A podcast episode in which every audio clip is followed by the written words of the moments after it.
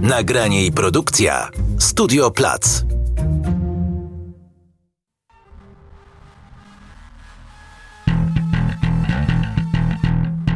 Nazywam się Barbara Klicka, a to jest podcast dwutygodnika magazynu o kulturze. Dzisiejszy podcast dwutygodnika magazynu o kulturze poświęcimy sprawom dotyczącym poczucia humoru. Za przykład czegoś, co wzbudziło ostatnio stosunkowo powszechną wesołość, posłuży nam serial 1670, a za punkt wyjścia do rozmowy wywiad, który z reżyserem tego serialu, Maciejem Buchwaldem, przeprowadziła Marta Bałaga. Z rozmowy tej wynika innymi, że komedia traktowana jest przez twórców, producentów, publiczność jako gatunek z założenia gorszy, mniej ambitny, podrzędny. Dlaczego wywoływanie śmiechu nie cieszy się tu dobrą prasą? A może to trend nie tylko polski, ale szerszy? Czy zdaniem moich gości istnieje coś takiego jak polskie poczucie humoru i gdzie możemy obserwować występowanie tego zjawiska?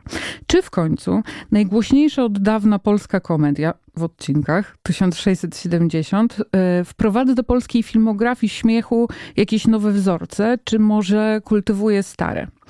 Jako oddana smutaska zapytam o to wszystko i wiele innych poważnych rzeczy moich dzisiejszych gości, którymi są Maciej Buchwald, niezależny reżyser filmowy, aktor, scenarzysta, improwizator, performer i stand-uper, członek grupy teatru improwizowanego Klancyk, od 2023 roku współprowadzący programu KS Poranek w kanale sportowym, reżyser serialu 1670. To niezależny reżyser to, to z Wikipedii chyba opis. Y, Nie, z dwutygodnika. A, no to, to ale z dwutygodnik wziął to chyba z Wikipedii y, sprzed 15 lat, jak faktycznie robiłem niezależne filmy. Teraz jako reżyser y, serialu na Netflixie chyba przydomek niezależny mm, nie bardzo pasuje. No więc zależny reżyser. No, zależny od, głównie od siebie.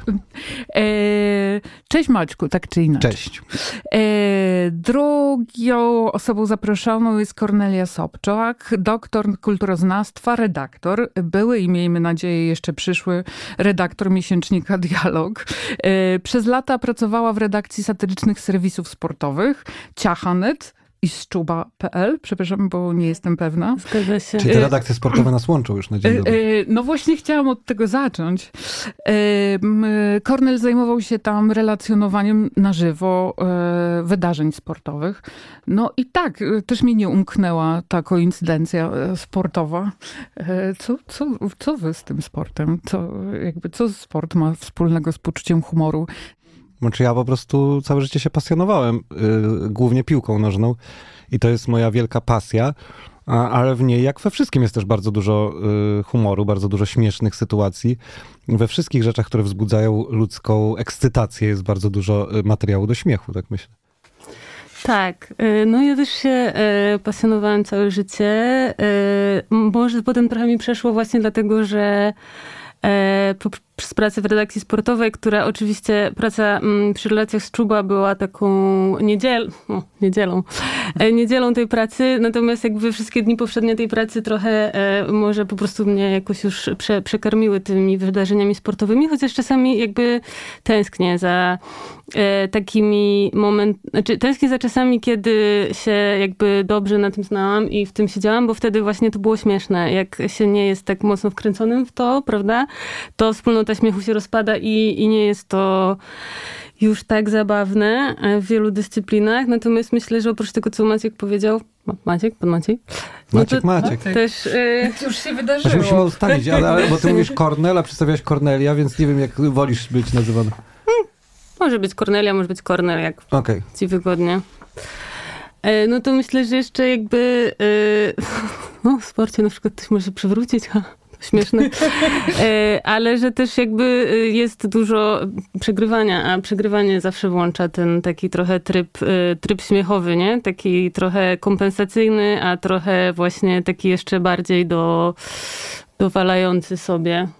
Bo ja to myślałam, że się śmieję na programach sportowych trochę tak nielegalnie, to znaczy zawsze trochę mnie śmieszyły takie wspólnoty mm, bardzo serio no, zgromadzone nad czymś. Słuchaj, to, to nie jest jednoznaczne chyba. No ja, y, ja y, przez to, że piłka nożna jest moją pasją, traktuję ją bardzo poważnie i w, wkręcam się na niezwykłym diapazonie emocjonalnie, ale jednocześnie mam świadomość, że faceci biegający za kawałkiem skóry to nie jest najpoważniejsza rzecz na świecie, więc myślę, że w ogóle mało rzeczy w życiu jest jednoznacznie serio bądź nie serio. Wszystko jest jakoś śmieszno, smutno, tragiczne, mm, bo takie jest życie. Mm, są rzeczy, elementy zabawne w najpoważniejszych sytuacjach, elementy najsmutniejsze w tych pozytywnych.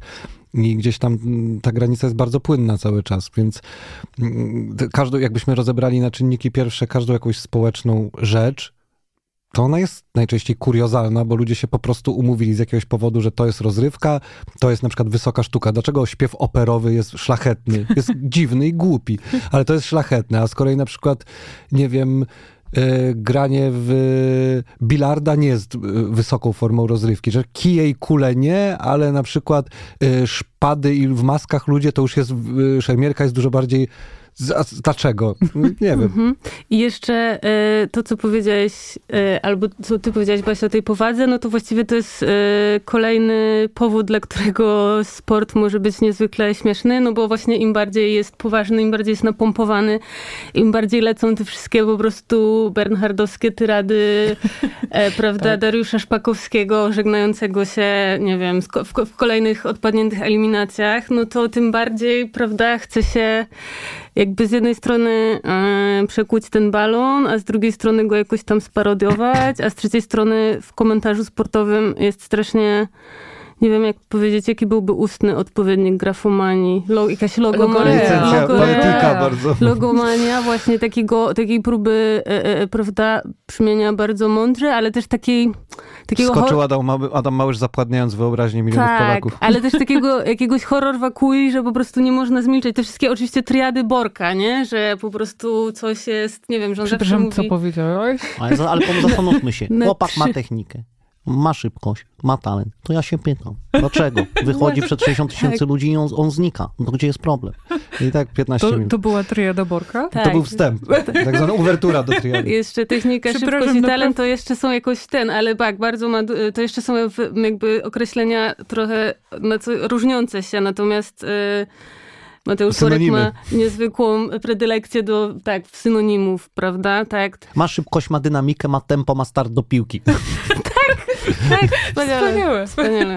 Wspaniałe. Mówiliśmy, przepraszam, o tych zabawnych y, elementach tego patosu na przykład, ale to nie wyklucza tego, że ja jestem ostatnią osobą, która by sport lekceważyła, no bo faktycznie, yy, cytując tutaj chyba yy, jeju, Tomasza Zimocha, to faktycznie e, zapładnia sport wyobraźni milionów e, ludzi, nie tylko Polaków. I ja na przykład, mimo że byłem wielokrotnie smagany rozczarow biczem rozczarowań polskiej reprezentacji, to za każdym razem siadam z tymi samymi nadziejami, emocjami, przeżywam. I jest we mnie na to pełna zgoda i nie mam z tym problemu i y, nie mam problemu z tym, że jest to dziwne, irracjonalne, patetyczne, ale robię to. Chodzę na mecze moich dru drużyn, którym kibicuję. Jak gram ze znajomymi w piłkę, wchodzimy na taki poziom y, bycia serio między sobą. Jest to pewien wentyl oczywiście dla emocji, y, świadomie wybierany, ale jest w sporcie coś pięknego, łączącego ludzi w tej rywalizacji, w tym dopingowaniu, więc ja mówię o tym z taką y, życzliwą złośliwością. Ja, te, ja też. A ja sport kocham i go bardzo cenię. Ja też życzliwą, tylko właśnie zwierzam się, że nie zdążyłam nigdy pokochać. Po tej rozgrzewce, nomen omen, e, przejdźmy do naszego powodu, do, do powodu, dla którego się dzisiaj spotkaliśmy, czyli do poczucia humoru, omawianego na przykładzie serialu 1670. Chciałam wam zadać na początku takie pytanie z grubej rury, bo sobie pomyślałam, y, że to będzie dalszy ciąg y, owocnej rozgrzewki.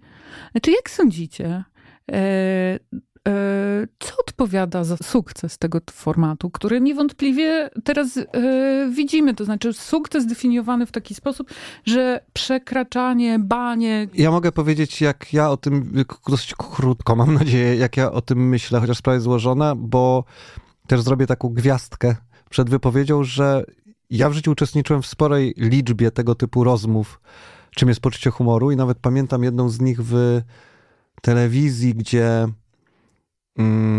byli tacy interlokutorzy jak y, Janusz Weiss, Marek Raczkowski, ktoś jeszcze? I właśnie zadawano nam pytanie, co, co to jest poczucie humoru, jakie jest to poczucie humoru i skąd te żarty się robią. I ja rzuciłem tam żart, ale tak z poważną miną, że, że tam, że to y, żarty powstają w jakiejś tam mm, kopalni w, na Śląsku i tam jest taki kole, jakieś takie głupoty gadałem I połowa z tych ludzi, którzy teoretycznie y, snuli tam rozważania o poczuciu humoru, nie zrozumieli o co mi chodzi w ogóle. Nie, nie to, że żart ich nie rozśmieszył, tylko nie wiedzieli, że to żart.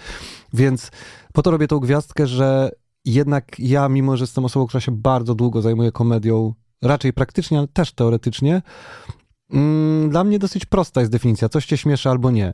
I teraz przechodząc do serialu, na przykład dosyć mnie bawią krytyczne artykuły tłumaczące, że kogoś coś nie śmieszy i na to potrzeba trzech akapitów. To znaczy, ja nie wyobrażam sobie, że oglądasz coś, dokonujesz w głowie ide, anal, tej analizy ideologiczno-słuszno-teoretycznej, po pięciu minutach tej wytężonej analizy stwierdzasz, że to jest ok i wybuchasz śmiechem. Mhm. Albo coś cię śmieszy, albo nie.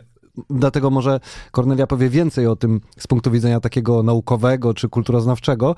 Oczywiście, dla mnie sytuacja jest taka, że, że ten serial mm, również przez to, jak nisko była zawieszona poprzeczka dla polskiej komedii, e, ale nie ujmuję teraz nam, bo uważam, tak. ja uważam bez fałszywej skromności, że to jest jakościowa rzecz, że to jest, że zrobiliśmy, włożyliśmy to bardzo dużo pracy, żeby to było dobre. Nie mówię, czy żarty są, bo to jest subiektywna rzecz, ale żeby to było dobre, że to jest e, zrealizowane na odpowiednim poziomie od scenografii przez grę aktorską, poprowadzenie historii i tak dalej.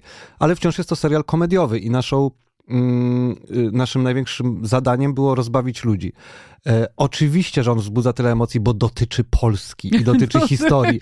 Natomiast myśmy też. Do tego to chyba się dzieje, To się dzieje w ogóle poza naszą intencją, bo myśmy bardzo tak myśleli o tym przede wszystkim, że to nas śmieszy i że to są śmieszne okoliczności i, I, że lubimy tych bohaterów i raczej chcieliśmy zrobić komedię, która będzie takim miłą rzeczą, że ludzie sobie obejrzą i będzie im miło, a nie, że wzniecimy wielkie dysputy i to się stanie sprawą narodową. To jest oczywiście inny temat. Więc mi się wydaje, że ten serial po prostu jest jakościowy i teraz nie wchodząc jeszcze na razie w tę dyskusję, co on znaczy, kto się z niego śmieje, komu się wolno z niego śmiać, komu nie wolno i dlaczego jakiś tam pan nam wytłumaczy, że nie można się śmiać, co jest w ogóle absurdalnym punktem wyjścia, to, to mi się wydaje, że on po prostu jest jest nie najgorszy mhm. y, sam w sobie pod względem realizacyjnym i robili go też ludzie, którzy y, zyskiwali przez lata doświadczenia różnego rodzaju, czy sceniczne, czy pisarskie, czy reżyserskie, bo zarówno ja, jak i Kordian Kondziela robiliśmy od czasów szkolnych też te komedie i uczyliśmy się tych komedii i, i studiujemy te komedie. I prezentujemy trochę inne podejście do, do robienia komedii niż na przykład przez ostatnie lata oglądaliśmy w takich kinowych komediach. I to były rzeczy, które, z którymi się nie rymowało nasze poczucie humoru i nasze poczucie też estetyki. A to wszystko odnosi się do wielkiej naszej niezgody a propos tego, co powiedziałeś, że komedia jest gatunkiem gorszym. Ja tak nigdy nie uważałem. Jest y, często trudniejszym gatunkiem. Y, jest takie przeświadczenie. Nawet w szkole filmowej doświadczałem tego, że że to było traktowane różnie, chęć robienia komedii, natomiast myślę, że na świecie niekoniecznie tak jest, bo są komedie, które mają status legendarnych. E, nie wiem, no, Pulp Fiction w jakimś sensie w gatunku jest komedią, a dostało Złotą Palmę w Cannes. E, filmy Wes Andersona też są z gatunku komediowego, są uznaczane, z gatunku są komediami, a są uznawane za art house, nie? Czy przynajmniej były do, do czasu jego wielkich e, sukcesów ostatnich, kiedy już nie jest fajny, bo się zdał za popularny. Natomiast, tak, miałem krótko powiedzieć i wcale nie mówię krótko, natomiast ja nie wchodząc w głębokie analizy uważam, że ludzie w Polsce bardzo czekali na komedię, która nie będzie ich obrażać, obrażać ich inteligencji, nie będzie agresywna mm, i będzie po prostu mm, będzie będzie, widz ma poczucie, że ktoś wykonał dużo pracy, żeby zapewnić mu fajną y, rozrywkę na dobrym poziomie. I wydaje mi się, że to jest główny sukces tego serialu. A co się dalej z tym dzieje, no to już jest zupełnie inna tak. historia. Kornel? Tak, to ja też muszę zrobić trochę gwiazdek, że jakby jest... Yy trochę niezręcznie przy reżyserze mówić. Jeszcze przed obejrzeniem, jak był taki duży już jakby hype i e, kontrowersja na temat e, jakby wokół tego serialu, czy śmieszy, czy nie śmieszy i czy wypada, czy nie wypada e, się śmiać i jakby kto jest głupi, ten, co się śmieje, czy ten, co się nie śmieje, to strasznie chciałam, żeby móc ułożyć taki bon mot, że 1670 jest jak Szymon Hołownia, po prostu jego popularność właśnie wynika z nisko zawieszonej poprzeczki, ale byłoby to bardzo krzywdzące dla tego serialu. który ma znacznie, jest znacznie dowcip na wyższym poziomie niż Szymon Hołownia. Natomiast niestety, oczywiście pewnie ta nisko zawieszona poprzeczka jest jakimś tutaj e, elementem, e, który odpowiada za sukces tego serialu, no ale to przez niską poprzeczkę też można wysoko skakać. I mi się wydaje, że to są dwie rzeczy. Oczywiście na pewno to, że jakoś ten serial się spotyka e, z taką fazą nie chcę powiedzieć modą, z takim, mm, mm, mm, takim trochę zapotrzebowaniem i babraniem się w historii ludowej, w ludowej historii Polski i z, jakąś, z jakimś przepracowywaniem historii, prawda, to na pewno. E, I myślę, że wiele osób, jak tylko usłyszało, że taki serial będzie, czy zobaczyło pierwsze trailery, to już sobie zaprojektowało jakieś oczekiwania albo mm, przeświadczenie, że wie, jak to będzie wyglądać. To znaczy, tak, albo, albo oczekiwania, albo lęki, jakby to mogło być. E, I na pewno jakby właśnie to, że też gdzieś na zachodzie jest jakaś taka potrzeba i moda na przepisywanie historii, na jakby też e, patrzenie, co można zrobić z historią, w jaki sposób wejść do niej jakby ze współczesnymi oczami, żeby ją jakoś jakoś, nie wiem, odzyskać, coś w niej pokazać. Zdekonstruować. Zdekonstruować. E, opow- opowiedzieć na nowo. E, to na pewno też budowało oczekiwania, no ale druga rzecz to mi się wydaje, jakby, a druga rzecz to jest konwencja tego serialu, czyli jakby to, że wreszcie znaczy, tak mówię wreszcie z pewną niepewnością, bo może pomijam coś doskonałego, o czym nie wiem, ale wydaje mi się, że po pierwsze, no, że wreszcie mamy dobry polski dokument i że mamy komedię, która jest zrobiona trochę według, e, znaczy, która jest zrobiona według e, standardów nowoczesnej zachodniej komedii, co jakby mówię z takim że z jednej strony mnie to cieszy bardzo też, bo bardzo też lubię e, właśnie tą dokumentarną konwencję, a z drugiej strony jakby to, co mnie jakoś tam, nie wiem, martwi czy uwiera, że jakby właśnie cały czas ten zachód jest punktem odniesienia, ale no... E, ale właśnie to, to, to, jeżeli mogę tutaj mm -hmm. pierwszy raz dokonać e, tego magicznego, przepraszam, że wejdę ci w słowo, ale... ale ja panu nie przerwałem. Ale właśnie jak ja przeczytałem scenariusz y, Kuby Różyło, o którym musimy wspomnieć, no bo jednak mówimy też tutaj o treści, poczuciu humoru, a w, tak. w przeważającej mierze to jest jednak jego wina i odpowiedzialność za to szkalowanie Polski. Więc chodzi o to, że jak ja przeczytałem... Pozdrawiamy. Ten, pozdrawiamy Kubę. Że jak ja przeczytałem ten scenariusz, to najmniej interesującym dla mnie elementem był ten dokument.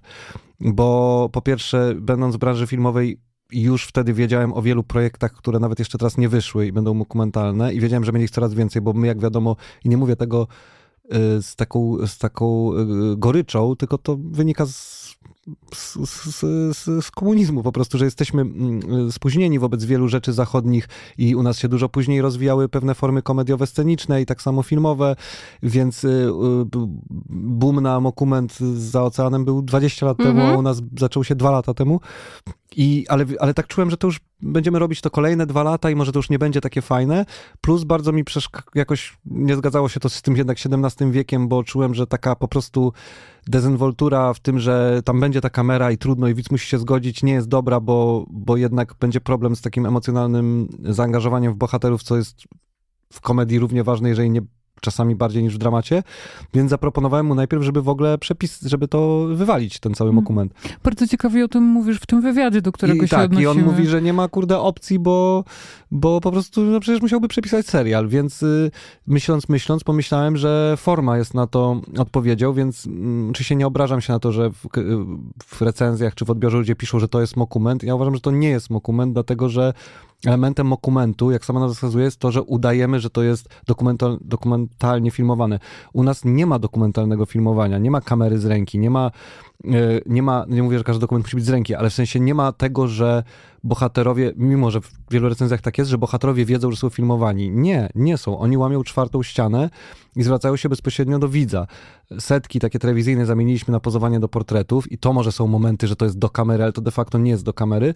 Natomiast y, to, to, to co, czy, czy House of Cards jest dokumentem? Bo ja rozumiem, o, o, czym mówisz, jakby o pewnej tradycji komediowej, w tym sensie się w nią wpisujemy, do tej dokumentalnej. Tylko, yy, tylko yy, zacząłem o tym mówić dlatego, że również miałem nadzieję, że jeżeli nie będziemy robić tego klasycznego dokumentu, tylko robić to, jak to sobie nazwaliśmy dokumentem 2.0, czyli mhm. jest to łamanie czwartej ściany, ale forma jest yy, filmowa, ponieważ w dokumentach nie ma takiej pracy kamery jak u nas, nie ma używania kranów, jazd, steadicamów, nie ma malarskiego światła, one są bardzo takie właśnie sote.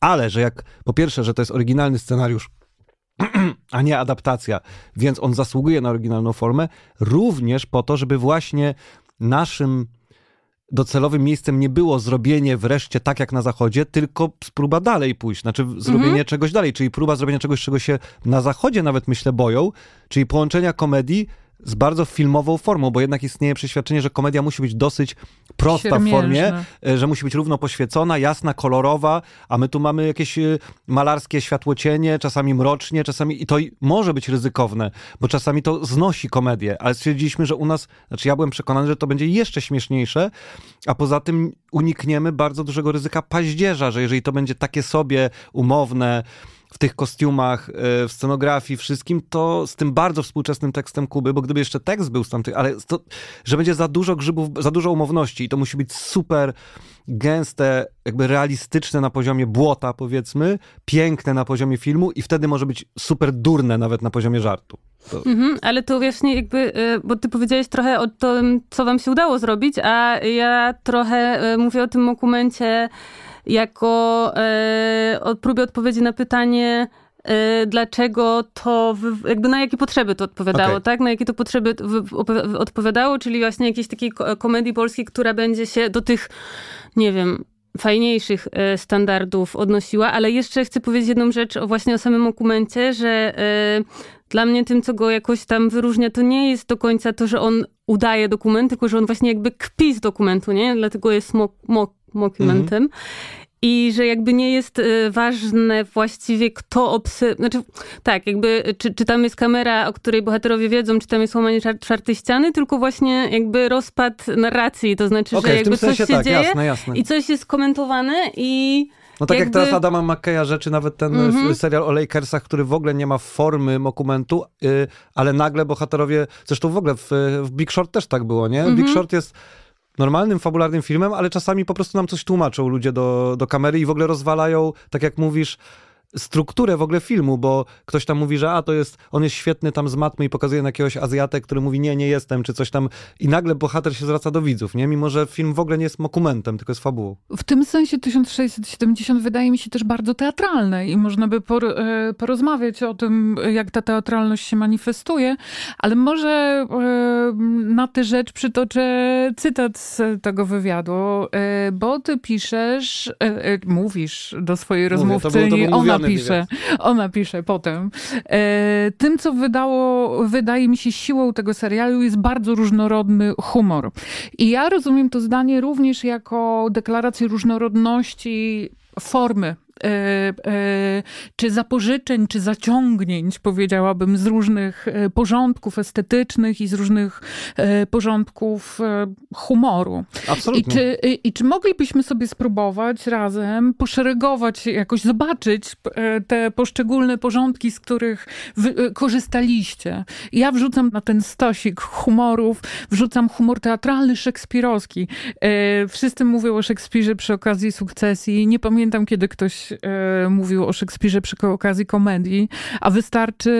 No, e, tam, znaczy, czy to jest, to nie jest komedia? No przy Królu Lwie było dużo, no bo Królew no, to jest e, Hamlet, nie? Ale Ale to czy to jest komedia? No trochę jest komedia. A jak patrzę e, na tomy Szekspira, to nie pamiętam, czy to nie jest tak, że Szekspir napisał więcej komedii niż tragedii. Ja na... Wszyscy lubią się... Dużo napisał komedii. No bardzo dużo właśnie, mówię, że chyba nawet więcej. Tak, tak. A, że o tym tak, nie A wszyscy lubią się zwracać do tych tragicznych Także szekspirowskie dramat... to znaczy... Czym tak. akurat uważam, że serial Sukcesja ma dużo więcej wspólnego z serialem The Office niż z Szekspirem tak naprawdę. E, e, tak, że to tak, jest, tak, to jest zupełnie inna tutaj, sprawa. E, no dobrze, ale e, moja prośba, czy mój, mój postulat, czy moje zadanie dla nas tutaj jest takie, żebyśmy spróbowali zobaczyć, co to, co to są to, te różnorodne To zanim humory. właśnie zaczniemy, to w ogóle f, f, fajnie, że ten cytat przywołałaś, bo tego w sumie nie powiedziałem Teraz w ogóle mam, ja od kiedy tą pierwszą odpowiedź zrobiłem, tylko myślę o tym, że ja powiedziałem o tej niskiej poprzeczce, czyli ja umniejszyłem sam nam i mam ogromne wyrzuty sumienia, ale nieważne. Dlaczego zacząłem mówić o tym, że poprzeczka, że kurde, wcale tak nie uważam, no ale nieważne. Bo jeżeli mogę uzupełnić moją wypowiedź z początku, to uważam, że właśnie też ten sukces e, myślę, że, że też nie byłby możliwy, gdyby nie to, że tam jest bardzo dużo różnego humoru. I dlatego nie jest tak wcale dużo ludzi, którzy mówią, śmieję się non-stop, bo też ja nie uważam, że na komedii musisz się śmiać non-stop, bo są rzeczy komediowe, na których się w ogóle nie śmiejesz, a dalej ci się podobają i co więcej, śmieszą cię, ale nie są do śmiechu. Znaczy w sensie, że mogą cię śmieszyć cringe'em, mogą cię śmieszyć strachem, mogą cię śmieszyć żenadą, mogą cię śmieszyć mądrością. Nie, nie, zawsze śmieszna komedia równa się, że ty się śmiejesz przed ekranem. Natomiast y, u nas, y, i teraz przechodzą, znaczy myślę, że to, że jest dużo typu humoru, mniej lub bardziej skomplikowanego, mniej lub bardziej wprost, też sprawia, że każdy może, upraszczając, znaleźć coś tam dla siebie. Więc przechodząc do tych elementów, no to też warto zacząć od tego, że Kuba Różyło praktycznie pisze właśnie same dialogi. I on nie robi didaskaliów za bardzo. On pisze tak. Stoi Aniela, podchodzi Maciej. Co dla mnie jako reżysera jest super, bo no ja mogę tak. sobie wymyślić, że oni wcale nie stoją, tylko jadą na wozie, który jest gdzieś tam.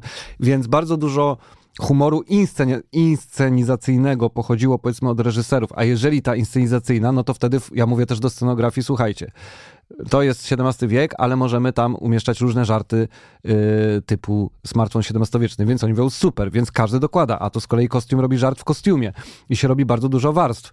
Żart w kostiumie, żart w scenografii, żart inscenizacyjny, yy, które są dookoła dialogu, żart w obrazie czystym, w świetle na przykład, nawiązanie do jakiegoś tam malarstwa, czegoś tam. Potem to wszystko trafia e, na montaż i do udźwiękowienia i wtedy studio dźwiękowe ma takie, to my dołożymy jeszcze taki żarcik dźwiękowy tutaj, że przecież jest, nie wiem, suwak rozpinany, a nie było suwaków, więc więc tam jest y, każda jakby. To jakby. Ja proszę wyciąć wszystkie jakby z tej rozmowy. nie, nie mogę tego jakby obiecać. No może, bo, bo, bo to jest coś, czego nie da się wyrzucić. Wiesz, że to jest okropne, to nawet w Chwila on mówił, że rozplenienie tego kretyńskiego jakby, a cały czas wszyscy, ja, ja mam też z tym problem. W każdym razie, e, so, te, te, te wszystkie... Don't puk. A, przepraszam. Te wszystkie, te, te wszystkie e, narzędzia filmowe, obraz, dźwięk, muzyka mają swoje żarty, inscenizacja, ale też te właśnie żarty są różne, bo czasami to jest żart, który na przykład, podam przykład. E, w Kuźni, gdzie tam jest Bogdan i Maciej, wisi ładne godło Polski i, i wisi taka pogoń litewska. I jak scenografka przyniosła mi, bo to był mój pomysł, żeby one wisiały, ale żeby one wisiały tak, jakby je zrobił Bogdan. I ta pogoń była za ładna. To po prostu był ładny rycerz na koniu. Mówię, to jest za ładne, to musisz to zrobić jeszcze raz. I musisz to narysować jakby dziecko, ale dziecko, które nie ma talentu. I jak przyniosła mi takie... I wtedy ten żart był. I to wyłapało tam, nie wiem, co setna osoba, jakiś tam historyk powiedział, Ty. że to zauważył. I to jest taki super subtelny żart na ósmym planie, ale takie też są. A są żarty, że bohater wstaje z toalety i, I, tak. i, i, i nie wyciera rąk. I co jest skrajnym przykładem, specjalnie podaję dwa takie, czyli nawiązanie do herbów historycznych. Mało kto wie, jak wygląda herb pogoni litewskiej i klasyczny y, żart z defekacji, y, ale czemu nie? No, to, ja, to, Jedno Ale i drugie to jest życie. Ja się tylko upewnię, czy ja cię dobrze usłyszałam. Wielowarstwowość tego żartu polega też na tym, że ludzie się dobrze bawili. To znaczy, że kolejne, mm. e, kolejne ekipy produkcyjne miały radochę ale się wszyscy, z tego, Ale słuchaj, no wszyscy że... się wspaniale bawili. Właśnie jak zostali zaproszeni do tego i e, to Kordian często mówi o tym, że przychodził ktoś ze scenografii, bo z mówił, słuchaj, mam taki pomysł, tylko nie wiem, czy będzie za gruby. I w 99% przypadków to nie było za grube, tylko było super. Mhm. I po prostu ludzie mieli absolutną zabawę w tym i, i potem już w pewnym momencie dostali takiej e, swobody w inicjatywie, że nawet tak. już nam nie mówili, ja mówię, co to jest? Aha, okej, okay, no jasne, oczywiście, że jest coś takiego, że są jakieś, nie wiem, mini smaczki poukrywane, nawet poza kadrem czasami, bo, bo, bo każdy lubi sobie mm, pożartować yy, i, i jak może to robić jeszcze w pracy, super. No. Mhm.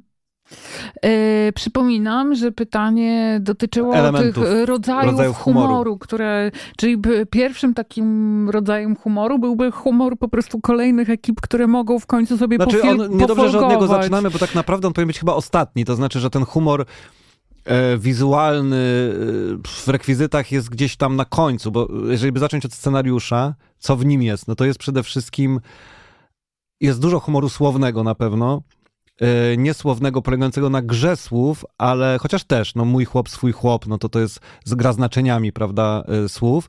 Mamy humor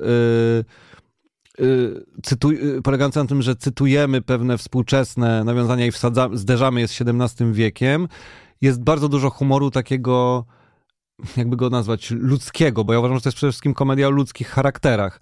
E, dużo bardziej niż historyczna czy polityczna. Ona jest po prostu o tym, że ludzie tacy są i na przykład mm, myślę, że większość z nas ma pewne cechy, na przykład Jana Pawła, chociaż lubimy powiedzieć, że to innych widzimy w nim. Widzimy takich odklejonych ludzi, którzy są przeświadczeni, że a, a kto jest od tego wolny tak naprawdę? Więc jest dużo humoru z ludzkiej natury po prostu. Jest, jest dużo humoru popkulturowego, czyli zabawą właśnie odniesieniami do, nie wiem, Żyd Karczmasz ma przemowę, która jest trawestacją przemowy Winstona Churchilla. Y, Jan Paweł mówi o końcu historii, czyli mówi, cytuje Fukuyamę, co w ogóle jest tak absurdalne, jak przeczytałem właśnie, że, że to jest wyższościowe z naszej strony, bo my się śmiemy, że on nie zna Fukuyamy. I naprawdę, jak ktoś w ten sposób analizuje komedię, to ja mu bardzo współczuję, ponieważ to jest po prostu abstrakcyjny żart, że ktoś stwierdza w XVII wieku, że jest koniec historii na y, 200 lat przed Fukuyamą. 240, nie wiem, no 200... No prawie 300. 20. No, no 220. No, więc y, 320, 320. 320. 320, bo to przecież 1900, 90, tak. w wieku. No, więc w każdym razie i to jest, więc jest, jest, jest sporo takiego... Mm, takiego humoru, jest, jest sporo humoru tak zwanego cringe'owego, czyli że my trochę się współżenujemy Wstydzimy, z bohaterami, tak. bo musimy być świadkami jakiegoś żenującego zachowania, na przykład księdza Jakuba, który pyta siostrę, czy mówił, że ma piękne piersi i my razem z tym Maciejem i z tym Żydem się po prostu wstydzimy. E, więc jest taki humor. Y, jaki jest jeszcze humor? Jest slapstick oczywiście, czyli ktoś wpada, właśnie przewraca się, co już mówiłaś Kornelia, wszystkich to śmieszy, jak ktoś się przewraca, ktoś wpada do kałuży, kto, mm. ktoś, to, to po prostu zawsze jest śmieszne. No, a, e, dlaczego kompilacje faili na YouTubie są najczęściej, najwięcej ma wyświetleń? Bo to jest śmieszne po prostu. I było od czasów Charlie'ego Chaplina, który jest klasykiem kina, co on tam robił? Nawet Kopa w pupę myślę, dostawał. Że wcześniej. Myślę, że wcześniej też, No tak, no. tak, ale mówię o kinie, y, w kinie, nie? Że, ale, więc mamy na pewno dużo y, klasycznego slapsticku, również właśnie takiego znanego z takich, y, powiedziałbym, komedii z lat 80., ujęcie z buzi, takiego trochę przesadzania, taki, taki humor trochę jak Akademia Policyjna czy Naga Broń, który my też lubimy. Lubimy go przez jego odwagę w głupocie, że właśnie się nie boisz robić też bardzo głupich żartów. To jest, moim zdaniem, to jest bardzo wyzwalające. Głupie żarty są bardzo oczyszczające, bo wracając do początku rozmowy o sporcie, przestajesz myśleć o sobie tak poważnie. To jest tak. bardzo zdrowe. To jest bardzo, jesteśmy śmieszni, jesteśmy głupi, jesteśmy mm, żenujący, więc jak się możemy z tego pośmiać, no to super. E, może chcesz przejąć wymieniany humoru, bo ja tak... E, Mm, no, ja mm, jeszcze chyba powiem, że mi się wydaje, że tam jest dużo jednak takiego humoru e, współczesnego, bardzo i wziętego jednak. Będę się upierać tej e, dokumentowej konwencji w tym sensie, że to, co jest tam źródłem komizmu, to jest jakby rozdźwięk akcji z komentarzem, nie? Że też to, to, to, to co jest zawsze źródłem jakby ale z jednej strony komizmu, bo to jest śmieszne, ale z drugiej strony, no właśnie, wiem, że pewnie byście chcieli trochę może omijać ten temat albo się do niego przyznawać, ale jednak no jakiejś potężnej krytyki, moim zdaniem, krytyki społecznej czy krytyki politycznej, to znaczy jakby ob obnażanie tego, jak język jest yy, takim właściwie nawet nie, że bezradnym narzędziem. Ten język, którym się wypowiadamy, którym komentujemy nasze zachowania i którego używamy do opisu siebie, jest po prostu e, bullshitowy, jakby jest, prawda, e, jest fałszywy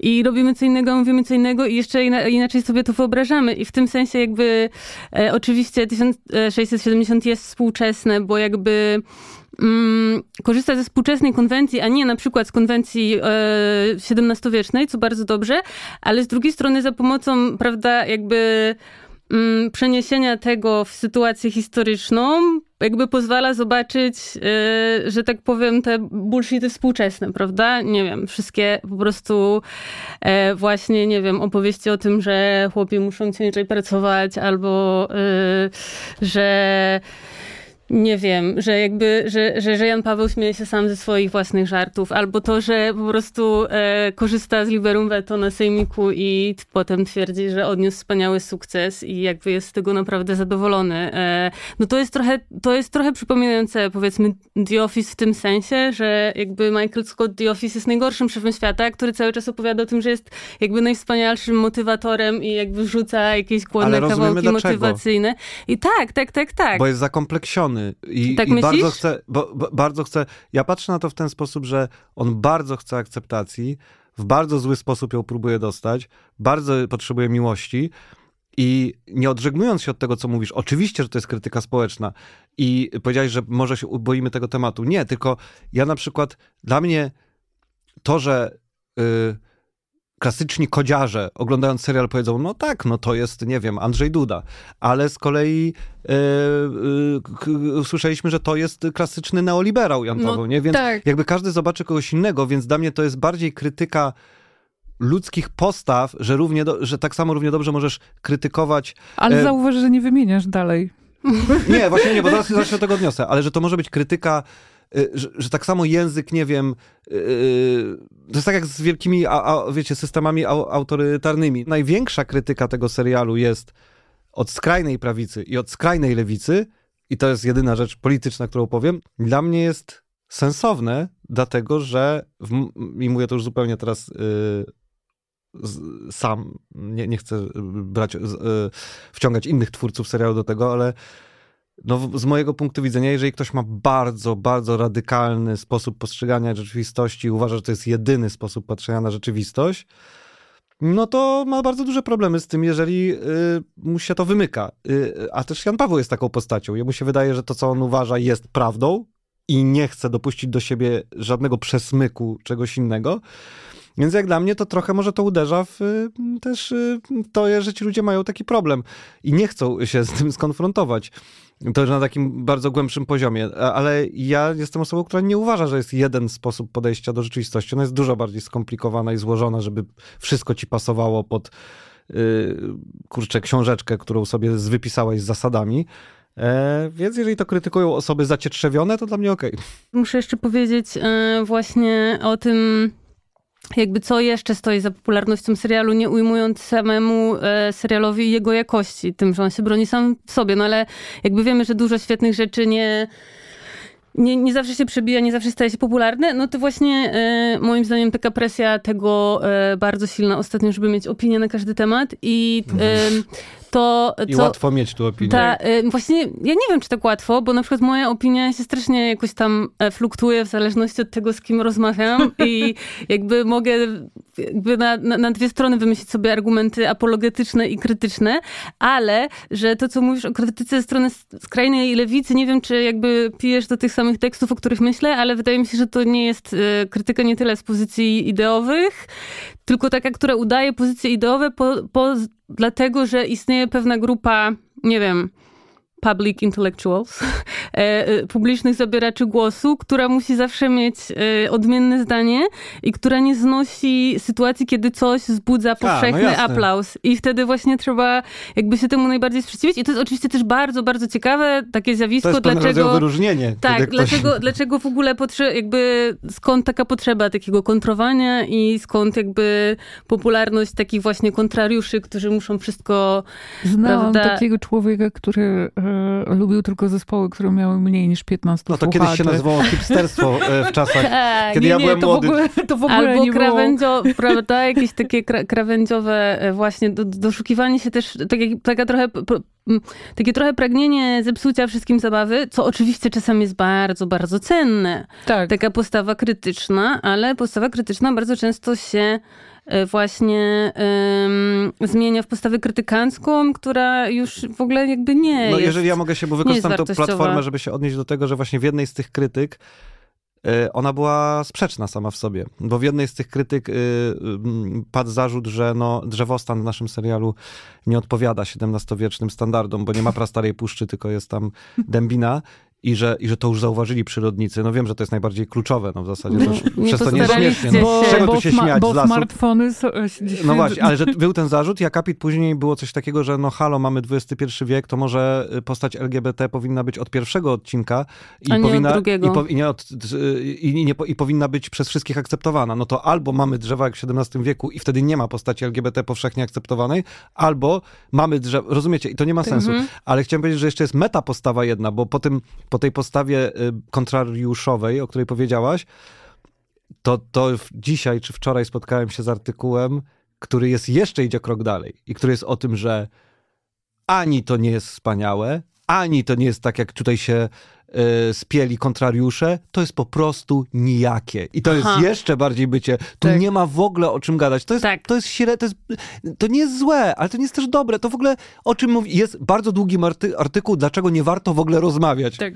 Co już jest dla mnie takim mindfuckiem, Tak, pisanie tak, wielkiego tak, tak. artykułu, dlaczego nie warto rozmawiać, dlaczego wszyscy jesteśmy głupi, że w ogóle rozmawiamy o tym, to już, ja już naprawdę, głowa mi troszeczkę nie starcza na to. Tak. No dobrze, ale umówmy się, znaczy umówmy się, albo nie, um- nie umawiajmy się, zaraz zobaczymy, e, na to, że jednak ten e, serial uderza w różne narodowe mit, mitki, może już nieco przebrzmiałe, ale dla pokolenia No właśnie, to jest dobre pytanie, czy No przebrzmiałe. właśnie, no właśnie, to jest dobre pytanie. Bo w jednym z zarzutów to tylko, przepraszam, że do, do, to ci powiem, że ktoś powiedział, no to jest spóźnione 10 lat. Na co ktoś odpisał, no ale nie pamiętam, żeby przez 10 lat była krytyka, nie wiem, feudalizmu albo stosunków wykorzystywania w pracy y, współczesnego niewolnictwa, kultury zapierdolu tak zwanej i tak dalej. No, czy były A takie ja, rzeczy? a ja nawet myślę bardziej na przykład o potopie, który leciał znowu, e, znowu w, zdaje się w święto w telewizji, wiem, bo zostałam poinformowana. Tak. E, więc e, i e, o kadrach e, z 1670, które doku- e, były, wydawały mi się cytatami W ogóle po myśmy prostu. zobaczyli, ktoś nam wysłał klatkę z pana Wołodyjowskiego i w ogóle myśmy jakoś nie wiedzieli o tym, że pan Wołodyjowski zaczyna się, tam jest taki żółty napis, wiecie, ale Gwiezdne Wojny w panu Wołodyjowskim się zaczyna od jest rok 1670. No, a- Naprawdę tak się a- zaczyna a pan Wołodyjowski. Nie wiedzieliście tego? Nie. Ja myślałam, że to Że jest to jest- celowe Nie. nawiązanie. Ja Dobra. też. E, e, e, ale właśnie, bo chcę powiedzieć, że to też nie jest tak, że jesteśmy krajem bez satyry politycznej, bez satyry historycznej, bo w ogóle właśnie taki jeszcze jeden poziom humoru, który jest może jakiś taki... Ci raperzy z Nadwisły. Chociażby tak prosty, że nam umyka, to jest właśnie oczywiście coś takiego, że jasne, że to jest super śmieszne, kiedy weźmiemy jakby sobie historię i opowiadamy o niej współczesnym językiem, albo wprowadzamy tam współczesne elementy i to jest bardzo śmieszne, e, i, ale to jest e, i stąd popularność na przykład wszystkich, nie wiem, facecji, historycznych memów i takich Tak. rzeczy, ale też właśnie w polskiej jakby tutaj tradycji polskiej satyry mamy, przecież mieliśmy e, wspaniałych rycerzy trzech, Kmicic, Wołodyjowski, Zagłoba, radiowy serial, właśnie serial radiowy Andrzeja Waligórskiego, który powstał Ja na w ogóle fali nie znam tego. Na fali e, pana Wojewódzkiego i właśnie Potopu miał dwie serie. W Ale w pierwszym było. czasach? Skąd- skąd e, w latach 70. W pierwszej było e, Kmicic Wołodyjowski Zagłoba, Gnębina Spech. Wszystkim nam się Basieńka podoba i wtedy wjeżdżała Basieńka i mówiła zwalczcie tę chłódź. E, inny cel wam historia wytycza, musicie knuć, jak się pozbyć Tuchajbejowicza, a w następnej serii była Oleńka zamiast Basieńki i tam był Rym do Radziwiła.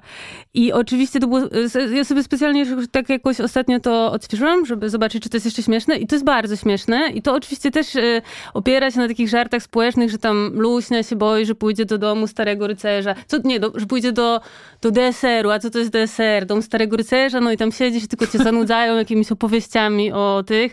Oczywiście są tam też takie żarty, że ktoś wchodzi do namiotu i mówi, a co tu robi koń? A to nie koń, to Oleńka. Oj, oj, oj. No, ale y, jakby właśnie tam, Przepraszam. tam Bardzo cię to rozbawiło. i to było kontynuowane w ogóle jeszcze, to w ogóle za to jest odpowiedzialny kabaret Elita wrocławski. E, Aj. Aj. I to było kontynuowane jeszcze do lat 90. i to było zabawne, ale jakby zupełnie nie było, mm, nie wiem, nie było w tym jakiejś takiej kry... To było bardzo takie, nie chcę powiedzieć, że powierzchowne, ale właśnie no nie było tam jakiegoś elementu krytyki społecznej czy krytyki politycznej tamtego systemu. Raczej to było wykorzystanie też jakiejś takiej e, sarmackiego potencjału rubaszności i, i takiej, prawda, takiej, takiej krotochwili właśnie facecji, żeby, żeby się z tego pośmiać, ale też y, to, co jakoś t- trochę odpowiada na swoje pytanie, to było bardzo ważne, że to było w latach 70., bo to też e, jakby powstawało w reakcji na taką e, narodową histerię sarmacką, bo przecież czasy ekranizacji mm, trylogii Sienkiewicza to jest w ogóle są czasy jakby takiej zbiorowej, na tyle na ile mogła być mediów e, w, e, społecznościowej histerii tego, kto i w jaki sposób kogo zagra, Zagrał, jak to tak. zrealizować, kto powinien, to jakby było rzeczywiście cały naród kręcił te No, filmy. bo powiedzmy też szczerze, z ominięciem pierwszej części. Tak. Bo jednak wtedy Tak, tam ze, ze wschodem się walczyło, więc nie Tak. bardzo i trzeba było poczekać Tak. do 90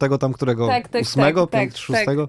Pytałaś o te warstwy humoru, czy te tradycje humoru, które są w 1670. Yy, yy, to tam jest mało takiego humoru, znaczy ja w ogóle tego nie oceniam, żeby nie było, ani że to jest dobrze, ani to jest źle, ale że jest jakby takiego ma, mało humoru, który by się sadził na jakieś na, naśladownictwo czy parodię w ogóle języka epoki, co byłoby bardzo kuszące. Wiadomo, Pasek i Sienkiewicz i to się tak aż trochę chce parodiować, ale też właśnie byłoby wielką taką miną, mogło to by się skończyć jakąś taką miną żenady, nie? Tak. Chciałam zapytać, e, bo, e, bo wymieniliśmy sobie różne rodzaje humoru, które zostały przywleczone przez twórców 1670 do środka tej konstrukcji, e, ale ja chciałam zapytać o stand-up specyficznie, ponieważ ja, ja się nie znam na stand-upie, E, szczerze mówiąc. E, są rzeczy naprawdę, na których się znam. Nie należy do nich sport mm. i nie należy do nich stand-up. Ale o co, o co chcesz zapytać? Bo ja właśnie nie... Chciałam zapytać, czy twoje doświadczenie w tym zakresie, bo często tak się też pisze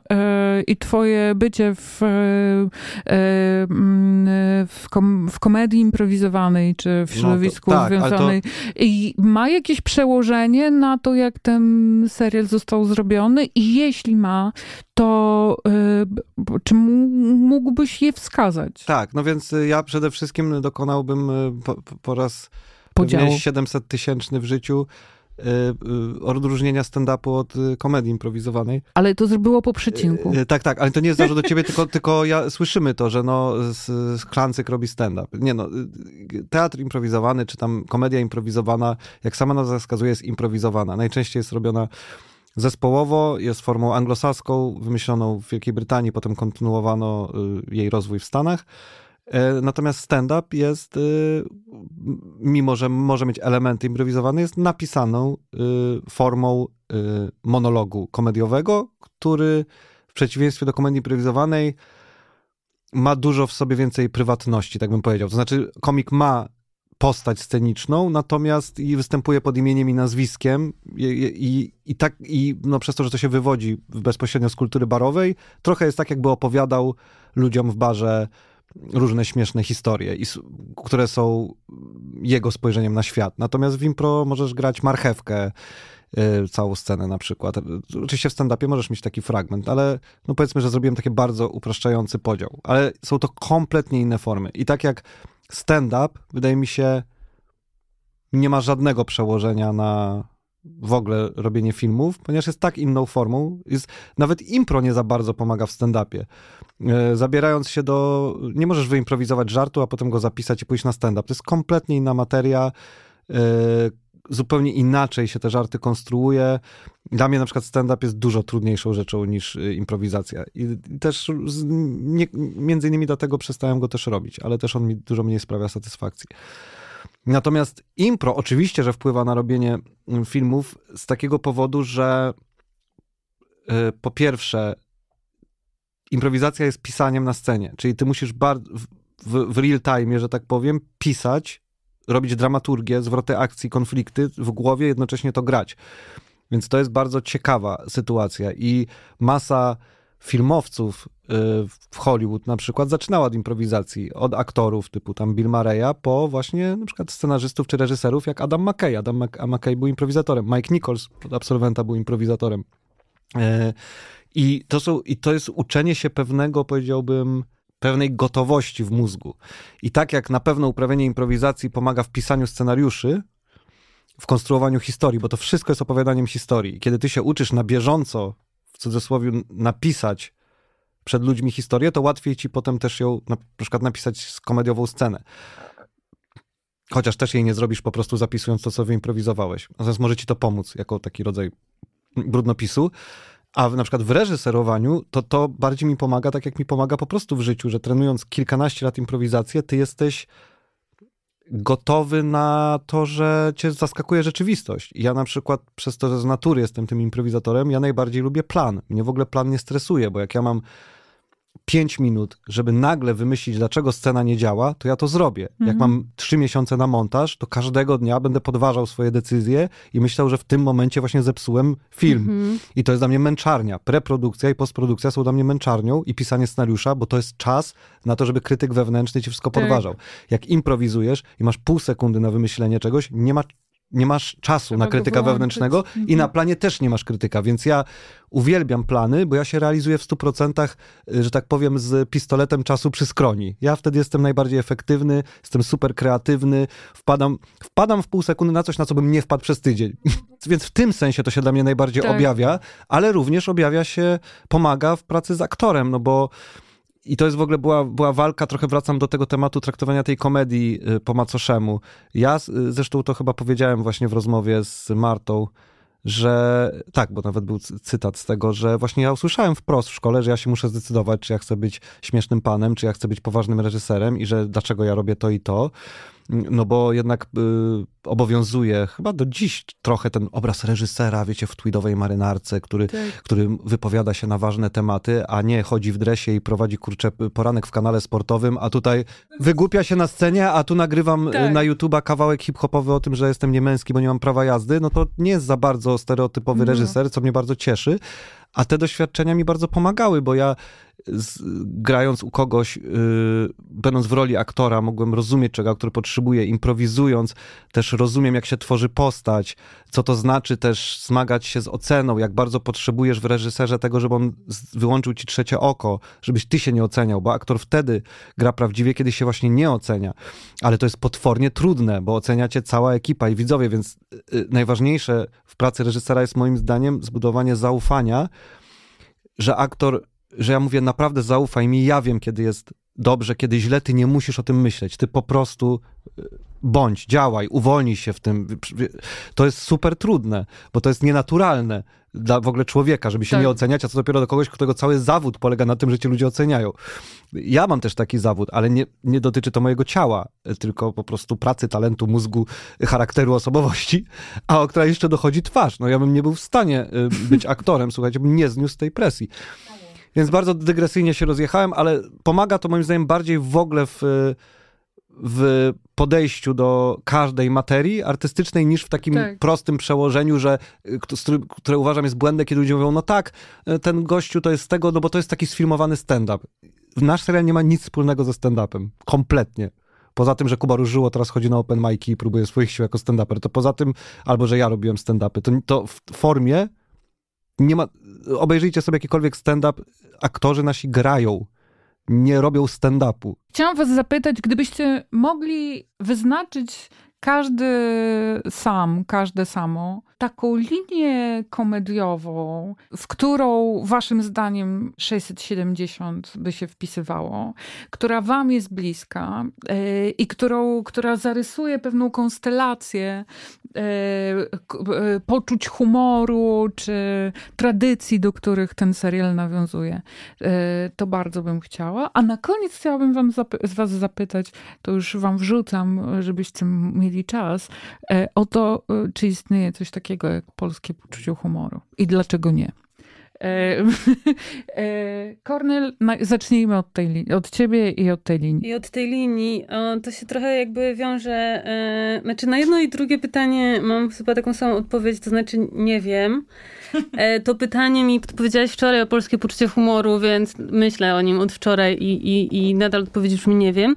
Natomiast jeżeli chodzi o tą linię, to jakby właśnie ja się będę upierać, że ta linia by musiała iść gdzieś w bok, to znaczy jakby raczej geograficznie niż w głąb naszej historii.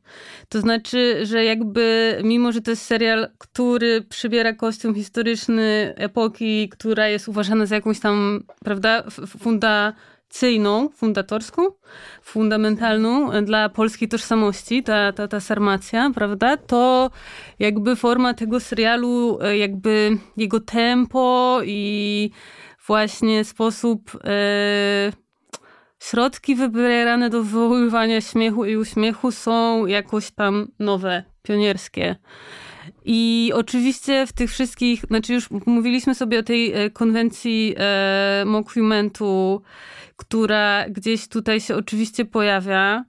Mm, w ogóle y, tak, tak, tak. To, to może tutaj nie będę skręcać za, za daleko.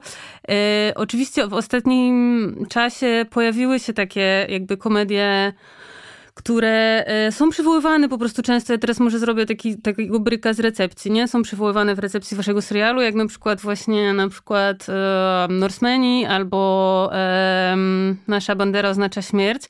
Ale, Ale też miś zdaniem, się pojawia. Właśnie to jest dziwne, bo ja też jakoś nie widziałam tego dziwne. misia. Ten miś mi tu jakoś zupełnie nie pasuje, ale też na przykład y, Norsemeni mi nie pasują o tyle, że y, jeżeli jest coś wspólnego, no to jakby rozmach inscenizacyjny, prawda? To znaczy, że to nie jest paździerz, tylko to jest jakby paździerz umowny. Nie ma nic złego w paździerzu, żeby nie było. E, nie wiem, Czarna Żmija była paździerzem i była super. E, ale jakby rozmach inscenizacyjny, ale jakby też to jest jedyne podobieństwo moim zdaniem, bo akurat Norsemani to jest taki serial, który mnie zupełnie jakoś rozbroił i zupełnie mi nie wszedł i to jest taki serial, co ja mam ochotę zapytać, e, co tam jest śmiesznego, chociaż to jest oczywiście najgorsze a, pytanie. A ja też tak mam, a wszyscy ogóle... myślą, że to jest inspiracja, a to był raczej benchmark realizacyjny, a ja go obejrzałem i myślę, Ogóle... Myślę, że możemy fajniej, ale mówię subiektywnie, mm -hmm, po prostu mm -hmm. to mhm. nie jest dla mnie. Nie? Mm -hmm. Właśnie, ja mam takie, że ja coś, może tutaj czegoś nie rozumiem. E, co tu jest, znaczy, gdzie tu jest ten, ten komizm, bo w ogóle. E, dobra, mam ochotę na kolejną dygresję, ale nie zrobię jej. Ale jakbyś jeszcze miała być jakaś kiedyś rozmowa o e, humorze albo kolejna książka, to oczywiście związki humoru i przemocy są jakby strasznie, strasznie interesujące. To znaczy, kiedy. I komizmu, i tragizmu. I w którą stronę, prawda, ta wstęga Mobiusa się wije. Nasza bandera znaczy śmierć, czyli wspaniały, wspaniały serial o jakby queerowych piratach też nie do końca jest tu punktem odniesienia, bo on jednak bardzo mocno idzie w coś, w co na razie 1670 nie idzie, czyli jednak w historię w sensie fabularnym, tak? Znaczy fabułę, która ma swoje e, jakby jest trochę, znaczy no jest trochę ważniejsza niż dekoracja w tym sensie, tak? Niż forma. I to jest raczej też moje pytanie, które ja mam do was, jeżeli mogę. To znaczy, czy sobie w ogóle wyobrażacie jakąś kontynuację, bo ja myślę o tej kontynuacji z lękiem, w tym sensie, czy to się da utrzymać, bo to poza tym wszystkim sprawia wrażenie, że ten serial był drogi. I czy jakby da, da się utrzymać taki drogi i taki ładny serial. Tak, no, jeszcze w drugim sezonie. Znaczy ja myślę tak, y, my jesteśmy gotowi na tę kontynuację, jesteśmy przygotowani, żeby ją robić łącznie z tym, jak ją będziemy robić. Myślę, że na dniach powinniśmy tak naprawdę mhm. się dowiedzieć, czy ona będzie. Co więcej, e, myślę, że jak ona będzie, to wcale nie znaczy, że będzie tańsza. I wiesz, no... Y, Ale rozebraliście dekoracje? Już? Nie, no, nie. To... E, więc, ale będą inne wyzwania, więc, więc ja absolutnie wyobrażamy to sobie i wręcz jesteśmy podekscytowani i tak jak będzie jeszcze kolejna fala oczekiwań od tych, którym się to podobało albo nie podobało i będą liczyć, że będzie inaczej, będzie masa ludzi rozczarowanych, ale już w tym momencie chyba mamy tak, że dostaliśmy na tyle taki glade, że, że ludzie chcą nasz serial, że po prostu będziemy super podekscytowani, żeby tam wrócić. Natomiast o tej linii chciałem powiedzieć, że właśnie faktycznie ta linia idzie nie w głąb i geograficznie, bo myślę, że my jesteśmy wszyscy w tym najbliższym gronie osobami wychowanymi na Monty Pythonie na przykład. I to nie znaczy, że my to robimy jak Monty Python, tylko że pewne tony, czy pewne zamiłowanie właśnie do takiej dezynwoltury, do czasami głupich żartów, do mieszania historii z jakimś kompletnym yy, współczesnym odniesieniem, że to jest na przykład jedna linia, ale też ta linia w głąb moim zdaniem bo ja w ogóle mam poczucie, że my nie rozmawialiśmy w ogóle o rzeczach, jako inspiracjach, jako my w ogóle nie rozmawialiśmy ani o Norsemenach, ani o The Great, ani o y, to, że The Office, wiadomo, że układ w ogóle bohaterów u nas jest bardzo podobny do amerykańskiego Office'a, ale poza tym to my po prostu patrzyliśmy na scenariusz jak na scenariusz sam w sobie i jak to sobie realizować, żeby było śmiesznie i fajnie i czasami inspiracją był, do kadru był rysunek ze Skaczora Donalda, giganta, czasami to była scena z hienami, jak Tatarzy Bogdana atakują, to naszą inspiracją była scena z hienami w Królu Lwie, e, a czasami to byli milionerzy, a czasami to była, wiecie... Znaczy, i, I tak naprawdę mieliśmy tylko antyreferencję, że nie chcemy robić trylogii. Mhm. I to była nasza jedyna antyreferencja, że nie chcemy robić trylogii, na przykład w kostiumie i w tym wszystkim. Ale o tym misiu, jak mówicie, to nasz producent kreatywny Iwo Kronkowski, którego serdecznie pozdrawiam, on zauważył pewną rzecz, o której, z której nawet Kuba użyło, jakby w ogóle nie zdawał sobie sprawy, że tam jest dosyć podobne zakończenie, bo w misiu na końcu jest ten monolog o nadziei, mhm. o tej nadziei, a u nas na końcu Jan Paweł mówi o tej wspólnocie. Mimo, tak. że wszystko się rozpada, że musi być tylko wspólnota, dom i naród, a tu jest o tej, nie o nadziei, co ja gadam, o tradycji. Nie tradycji, nadziei, tradycji, że to dziecko tak. nazywa się tradycja, więc tam jest o tej tradycji, a tu jest o wspólnocie narodowo-rodzinnej, więc to jest podobne i to też jest podobnie ironiczne w obu tych rzeczach. Mhm. E, I tam mamy, tam mamy tą potęgę wątpliwą w słomianym misiu, a tu mamy tą wielką wspólnotę w formie rodziny, która się rozpadła, bo żona ma romans, y, córka kocha chłopa w tajemnicy, y, ksiądz y, jest smutny i niekochany, a syn uciekł. Więc jakby to jest, to jest, myślę, że tu jest podobne i to jest nawet nieświadomie przez nas używane, bo to są My jesteśmy Polakami. Ten serial, kochamy Polskę, jak się kocha rodzinę, której się nie wybiera, z wszystkimi jej wadami. I w nas ten miś po prostu jest. I my ani nie chcieliśmy robić misia, ani nie chcieliśmy robić Norseman, ani nie chcieliśmy robić niczego innego. Robiliśmy to uczciwie, trochę tak na świeżo, ale odbijają się te rzeczy, na których wzrośliśmy po prostu. Dobrze, to teraz yy, Cornelia już wiem, że yy, nie wie, czy istnieje coś takiego jak polskie znaczy, poczucie jakby, humoru? Na pewno istnieje e, coś takiego jak przekonanie o polskim poczuciu humoru i na pewno istnieje jakiś, jakaś taka tradycja radzenia sobie humorem z e, właśnie e, niesprzyjającymi, wiecznie niesprzyjającymi, zawsze niefortunnymi okolicznościami historycznymi, politycznymi bądź społecznymi. A kto to przekonanie ma, że my wszyscy mamy, Polacy. wszyscy tak, Polacy tak, mamy przekonanie, tak, że mamy poczucie humoru, tak, tak? Myślę, że tak. No, że możemy jakieś źródła zacytować oczywiście, ale, ale myślę, że nie trzeba. Natomiast to, jakie to jest poczucie humoru, to ja nie mam pojęcia. Ono jest moim zdaniem zmienne w czasie, ono jest strasznie zmienne klasowo i nawet jak się myśli o takich złotych latach, no prawda, że PRL to najweselszy barak, że najlepsze kabarety wtedy powstawały, że wtedy się satyra miała tak dobrze, to ona też była jednak bardzo różnorodna. Potem w latach 90. i, i, i na przełomie wieków mieliśmy yy, bardzo na przykład pionierskie rzeczy w kabarecie i bardzo takie, nie wiem, nowatorsko, inteligentne, ale też wtedy już mieliśmy tę taką najgorszą, taką, zawsze mieliśmy o, przepraszam, ale muszę, bo to muszę, bo to jest ten, mazurska noc kabaretowa i biesiada w kopydłowie, taki właśnie uu, rubaszny chłop za babę przebrany, najśmieszniejsze na świecie, co może być. I może to niektórzy jakby lubią, a jednocześnie lubią się tego wyśmiewać, jednocześnie lubią się śmiać z tego ironicznie na jakimś metapoziomie, ale właśnie na przykład potrafię mniej więcej, wydaje mi się, że potrafiłabym powiedzieć, nie mam czasu, więc nie powiem, na czym polega, nie wiem, co jest specyfiką amerykańskiego poczucia humoru, albo angielskiego, albo niemieckiego, na przykład to, że nie istnieje. Ale polskiego to właśnie nie wiem. Może Maciek wie, albo może ty wiesz, ale właśnie tak nie. Nie wiem. Ja, ja mam y, na pytanie, czy istnieje polskie poczucie humoru, odpowiedź i tak, i nie. To znaczy, ono dla mnie istnieje, ale dużo bardziej dla mnie istnieje nie w tradycji naszej albo właśnie w tekstach kultury, a na przykład w społeczeństwie, a obecnie na przykład w internecie. Y, że nawet jak ktoś mówił, nasz, że nasz serial jest memowy, ale memy są super śmieszne. W sensie dla mnie mówienie, że serial jest jak memy, nie jest zarzutem, tylko komplementem, bo Polacy potrafią robić tak śmieszne memy. Niektóre, ja mam pozapisywane na telefonie, rzeczy, wiecie, wyłapanie jakiejś jednej miny z jakiejś rzeczy, połączenie z jakimś polskim kontekstem, to jest czasami tak wspaniałe i genialne. I uważam, że internet y, przy wszystkich swoich wadach i złych rzeczach, które zrobił, uwolnił tyle talentów w ludziach, którzy się nie zajmują komedią, tak, a potrafią robić psz, po prostu jakieś nieprawdopodobnie błyskotliwe, śmieszne rzeczy w sekundę, kiedy coś się zadzieje, więc moim zdaniem internet, ta cała komedia internetowa, powiedzmy memowo, y, filmikowo, parodystyczna, pokazuje, że Polacy mają świetne poczucie humoru. Ono jest bardzo ironiczne, bardzo złośliwe, ale uważam, że z taką życzliwością złośliwą, tak, że my tak. nawet jak wyśmiewamy w tych żartach nie wiem, bohaterów jakiś wpadek, to często to jest takie z miłością właśnie, z życzliwością.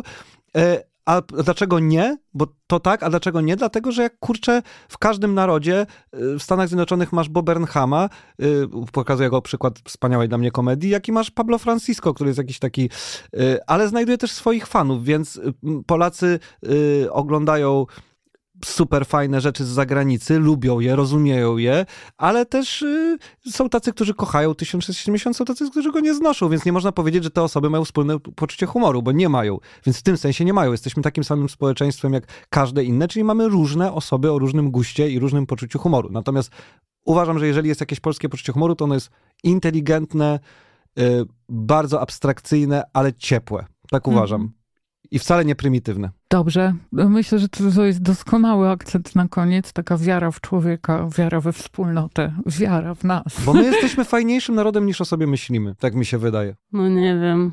Nie wiem. nie, narodem nie. No, nie, dobra. No, nie jesteśmy. E, no. Przez chwilę uniosłem się sam swoimi słowami. Do widzenia. E, e, nie, Dziękujemy. Było no, Miło było gościć. Kornelia Sobczak. Cześć Kornelio. Cześć. Cześć. I Maciek Buchwald. Dziękuję Maciej bardzo. Buchwald. Dziękuję bardzo. Dziękujemy. Do usłyszenia.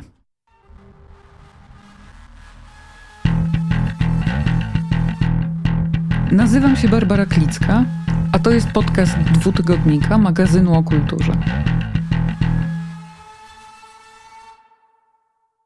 W ostatnim numerze warto pewnie przeczytać przede wszystkim związaną z tematem podcastu rozmowę z Maciejem Buchwaldem o serialu 1670. Reżyser mówi między innymi: Wierzę, że Polacy chcą komedii, że na nie czekają. E, poza tym Aleksandra Boćkowska rozmawia dla nas o pracy w kulturze zarządów PiS z tymi, którzy zaczynali karierę po 2015 roku, innej rzeczywistości pracy w kulturze nie znali. E, zaś Urszula Honek ubolewa, że w rankingach najlepszych książek 2023 roku zabrakło poezji i opowiada o tomikach Bartłomieja Majzla i Urszuli Sikory. E, przede wszystkim e, hit numeru, czyli tekst Dominiki Sitnickiej o zespole Problem. Jego zajawka brzmi tak. Odbiorcy problemu są trochę jak incele czytający harlekiny dla przegrywów. Słuchają kawałków, w których z politowaniem mówi się o tym, że zarabiają pięć koła na rękę, ale w zamian dostają zastrzyk adrenaliny i możliwość utożsamienia się z bohaterem, który sączy drinki w RPA. Polecam. Redaktorka naczelna dwutygodnika Sofia Król. To był podcast dwutygodnika magazynu o kulturze. Dżingiel, Małgorzata Tekla-Tekiel. Dwutygodnik jest wydawany przez Dom Spotkań z Historią, Instytucję Kultury Miasta Stołecznego Warszawy. Nagranie i produkcja Studio Plac.